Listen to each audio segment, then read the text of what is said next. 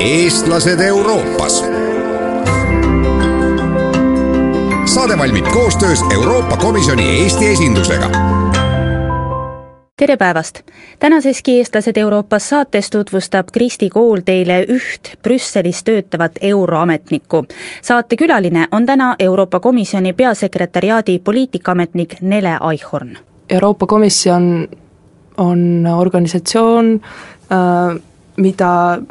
juhitakse nagu iga teist organisatsiooni. peasekretäriaat on see keskus, kes allub ähm, siis äh, komisjoni peasekretärile ja, ja poliitilise juhtimise mõttes äh, president Barrosole. Ja meie siis, meie roll peasekretäriaadis on, on tagada see, et, et, et komisjoni poliitikad äh, oleksid äh,, oleksid koordineeritud, et ennem kui eelnõud äh, vastu võetakse, lauale pannakse komisjoni poolt, et kõikide erinevate peadirektoraatide äh, seisukohad oleksid, oleksid arvesse võetud, et kõik oleksid ettepanekuga nõus. äh, ja siis, kui ettepanek on nii-öelda komisjoni poolt vastu võetud ja saadetud parlamendile ja, ja nõukogule otsustamiseks, menetlemiseks, äh, siis minu tööülesanded seosnevad, seonduvadki pigem, pigem siis selle faasiga, kus me siis jälgime sealt äh, komisjoni peasekretäriaadi poolt äh, neid vastu võetud ettepanekuid, õiguslikke ettepanekuid, aga ka poliitilisi algatusi kogu nende siis äh, menetlusprotsessi käigus. ehk siis, et, et, et kuidas, kuidas komisjoni välja töötatud algatus otsustusprotsessi käigus muutub, kas need muudatused on olulised, kui need on olulised, siis, siis me püüame saada poliitilist toetust äh, siis volinike kolleegiumilt, äh, kõik, ehk siis kõik volinikud peavad olema nõus, et, et seda, et seda õiguslikku ettepanekut mingis osas muudetakse ja kuidas seda muudetakse, ja siis jätkub jällegi, jätkub jällegi see, see läbirääkimiste protsess äh, nõukogus ja, ja parlamendis, kuni siis kuni siis eelnõu saab lõpuks loodetavasti vastu võetud ja rakendatud ja ellu viidud. Selle aja siis te põhimõtteliselt nagu koordineerite? minul on hetkel jah, see on mu kolmas äh, töökoht Euroopa Komisjonis, ma olen seal töötanud nüüdseks üle seitsme aasta. äh, ning minu praegune töö viimastel aastatel on, on tõepoolest suhteliselt koordineeriv, samas mitte ainult äh, see, elik selleks, et midagi koordineerida, peab sul ikkagi olema äh, sisuline arusaam teemadest, millega sa tegeled. Äh,, mina konkreetselt äh, jälgin kolme poliitikavaldkonda, milleks on energeetika, transpordi ja kliimaküsimused, nii et mul peab olema ka sisuline arusaam sellest äh,, millised eelnõud on parasjagu äh, vastu võetud ja, ja menetluses ning äh,, ning kas see, mis nende, mis nende ettepanekutega juhtub, kas see on Euroopa Komisjonile vastuvõetav või, või, või, või soovitakse, või soovitakse äh, või soovitakse näiteks liikmesriikide või parlamendi poolt äh, seda ettepanekut selliselt muuta, et, et komisjon peab, peab kaaluma, kuidas, äh, kuidas reageerida. nii et, et jah, ma igapäevaselt tegelengi sellega, et, et ma jälgin, mis nende eelnõudega nendes valdkondades juhtub, see, see tähendab näiteks seda, et, et kolm institutsiooni istuvad äh, ühtse laua taga, ähm, mille, mida nimetatakse eurokeeles äh, trialoogideks. trialoog tuleb siis sellest, et äh, sõnast kolm mm, -hmm. ehk siis, et kolm osapoolt on laua taga, kes siis püüavad mitteametlikult leppida kokku selles, milline see õigusakt vastu võetud kujul võiks välja näha Äh, räägitakse, need, need tihtilugu on need maratonkohtumised, kuna terve eelnõu räägitakse, räägitakse läbi ja, ja siis, kui parlamendi poolt siis raportöör, ehk siis äh, parlamendisaadik, kes antud eelnõu läbirääkimiste eest vastutab äh,, nõukogu poolt siis liikmesriiki esindab tavaliselt parasjagu äh, eesistuv liikmesriik ja komisjoni poolt siis vastava peadirektoraadi kõrge ametnik. Ja noh, sellistel kohtumistel äh, sellistel kohtumistel siis loomulikult on, on ikkagi oluline, et, et, et et saab nõu anda nii sisulistes küsimustes kui ka, kui ka äärmiselt nagu menetlusõiguslikes ja protseduurilistes küsimustes, et, et see on nagu suuresti see, millega, millega ma igapäevaselt tegelen transport, kliima ja, Ja energeetika, energeetika. need on sellised ju noh, rasked, tõsised valdkonnad, et milline on teie taust, kuidas te eh, nende kolme valdkonna juurde olete sattunud? Need on äh, tõsised valdkonnad äh, just sellepärast, et neil on oluline äh, roll majanduse edendamisel äh, ja need on olulised valdkonnad ka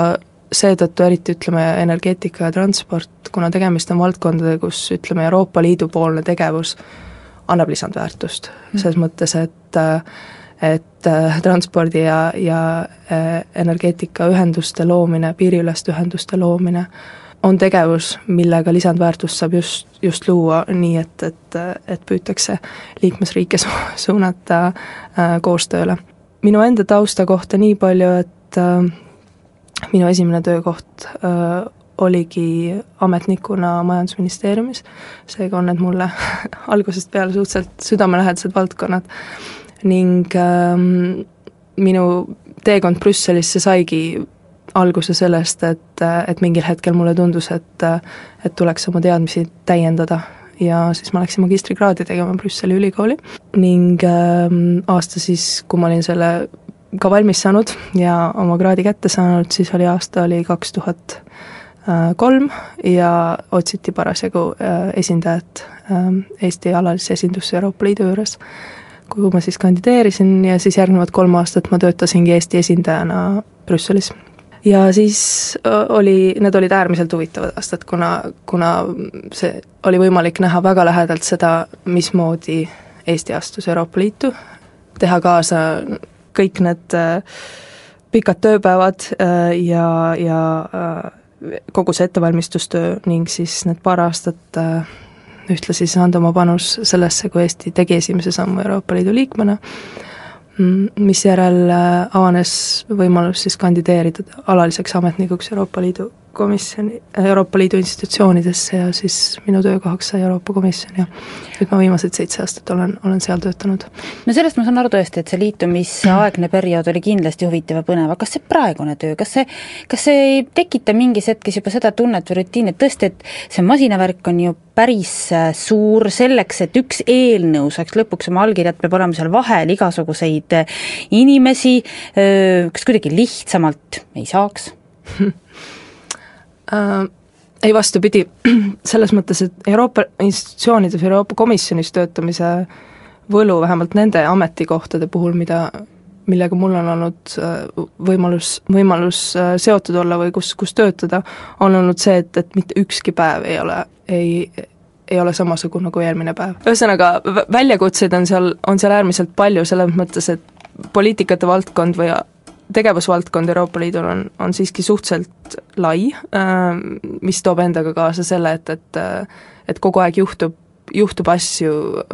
mis, mis vajavad kas reageerimist või, või ennetamist. vähe, väheoluline ei ole muidugi öelda ka seda, et, et, et töökeskkonna mõttes töö on ju mitmes keeles korraga, ehk siis et äh, lisaks inglise keelele tuleb peaaegu et paralleelselt suhelda prantsuse keeles äh,, ning, äh, ning siis muudes huvitavates keeltes, mida, mida on olnud võimalus omandada. Ja, ja, ja samamoodi see, et, et ikkagi tuleb olla äärmiselt teadlik sellest, et inimestel on erinev kultuuritaust, äh, mis näiteks läbirääkimiste ja, ja ütleme, kui on, kui on tarvis komisjoni esindada, kui on tarvis kellegi ütleme, oma hierarhia hierarhiat ette valmistada komisjoni esindamiseks, näiteks kirjutada neile jutupunkte või, või neid briifida, siis, siis kõike seda tuleb ju arvesse võtta, et, et, et kultuurilised erinevused mängivad, mängivad oma rolli. selliseid kultuuritaustade pinnalt tekkivaid arusaamatusi tuleb loomulikult ette, jah, aga, aga ennekõike ennekõike ma arvan, tekivad, tekivad probleemid lihtsalt sellest, et äh, inimestel on, on, on väga suur töö, töökoormus, vähemalt, äh, vähemalt see, millega, millega mina hetkel töötan, et ei ole harvad kuueteist, kaheksateist tunnised tööpäevad, mis, mistõttu lihtsalt inimlikult äh, võivad tekkida, tekkida eksitused või inimesed lihtsalt väsivad ära. Aga noh, see on, see on loomulik, et, et, et peab olema väga ettevaatlik oma sõnade seadmisel ja, ja, ja asjade tõlkimisel näiteks on, on teada, et, et, et kui, kui näiteks mõnel inimesel on raskusi teatud sõna hääldamise või väljaütlemisega, siis ei tasu seda talle kõnesse sisse kirjutada. ja noh, selliseid sellist nii-öelda siseinfot äh, me ikka üksteisega jagame mm. -hmm. et äh, need on nagu lihtsad asjad, mida vältida, aga, aga jah, ei, äh, töö on äärmiselt väljakutseid pakkuv ja, ja jah, ja noh, komisjoni võlu on ka selles, et, et, et kuna tegevusvaldkondi on nii palju, siis on ju võimalik liikuda, ehk siis roteeruda komisjoni siseselt suhteliselt kergesti, et lihtsalt kandideerida mingile järgmisele töökohale, võtta nullist ja alustada öö, uuel töökohal sisuliselt uute valdkondadega, uue vastutustaseme või, või astmega, et, et et ka see teeb selle, selle, selle nii-öelda karjääri öö, palju mitmekesisemaks, kui, kui see võiks olla mõnes teises organisatsioonis kui palju teie lähedased, kes teiega Brüsselis kaasas ei ole, kes on siin Eestis, saavad aru, mis töö see täpselt on, mida te teete mm. või nad on täpselt sama targad, et midagi seal Brüsselis ta teeb mm.? ütleme nõnda, et, et ma olen tegelenud nii sellise koordineerivama tööga kui ka konkreetsema tööga, ehk siis sisulisema tööga, minu eelmine töökoht öö, Euroopa Komisjonis oli, oli, oli osakonnas, kus töötati välja IT-agentuuri eelnõu seda oli mul äärmiselt lihtne kõigile tuttavatele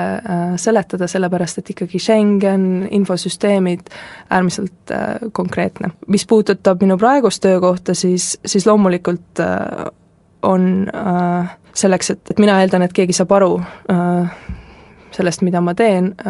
see võtab aega ja ma pean jah, see eeldab, see eeldab seda, et inimesel on, on võib-olla mingi taustsüsteem olemas sellest, et, et, et kuidas Euroopa Liidu institutsioonid töötavad, kuidas töötab see otsustusprotsess. Äh, minu jaoks on see töö äärmiselt huvitav just sellepärast, et see annab mulle võimaluse väga lähedalt näha seda, kuidas otsused sünnivad ja, ja kuidas neid siis, kuidas läbi räägitakse ja, ja kuidas siis otsused vastu võt-, võetakse. eestlased Euroopas saade valmib koostöös Euroopa Komisjoni Eesti esindusega